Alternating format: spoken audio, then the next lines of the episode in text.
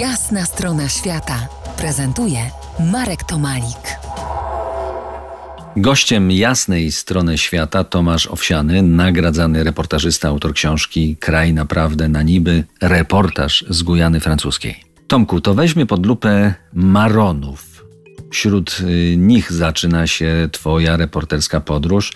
Y, porządkiem tej społeczności jest y, matriarchat. Czy ja to dobrze zrozumiałem? Rzeczywiście matriarchat, y, bo to matczyny klan jest y, dominujący i to y, matka odpowiada za wychowanie dzieci i to matka, kobieta i, i wujowie od strony kobiety są tą dominującą stroną rodziny. Natomiast kobiety były jednocześnie przez całe lata zależne finansowo przede wszystkim od mężczyzn, więc one były zarówno na pozycji dominującej, jak i nieco podległej, co oczywiście y, zmienia się, no bo pewne wzorce także społeczne ujednolicają się skutkiem nakładania się tych światów europejskiego i lokalnego. Opisujesz ceremonię przesłuchania zmarłego. Czy to jest y, doczesny sąd ostateczny? Opowiedz nam o rytuałach potwierdzających, proszę. To jest bardzo ciekawy rytuał, który rzeczywiście no, jest rodzajem sądu ostatecznego, przynajmniej nad cząstką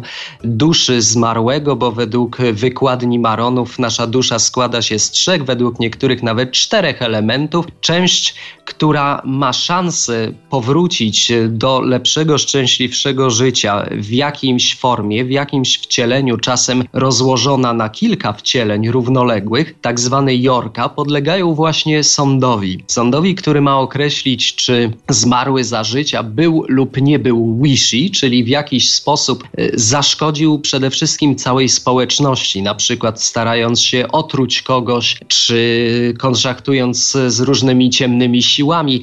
Jeżeli człowiek taki zostanie uznany za wishy, to skutek taki materialny jest taki, że nie będzie miał prawa do wielodniowego pogrzebu, bo to są bardzo bardzo rozległe ceremonie, ani do wystawnego pochówku w tak zwanej wysokiej trumnie. Zostanie po prostu skromnie pochowany gdzieś na uboczu, a jeszcze do niedawna, a kto wie, czy nie cały czas, y, porzucało się te y, ciała człowieka uznanego za wishi po prostu na pastwę dzikich zwierząt leśnej drobnicy wszelkiej, ale zasadnicza konsekwencja jest taka, że Jorka, który zostanie uznany za wishi, już nigdy nie powróci, w związku z czym zostanie wymazany na zawsze przez tego rezerwuaru. W ten sposób zresztą społeczność się broni, prawda, przed niechcianym elementem duchowym na przyszłość.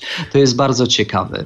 Do rytuałów Gujańczyków wrócimy za kilkanaście minut dzielonych piękną muzyką RMF Classic.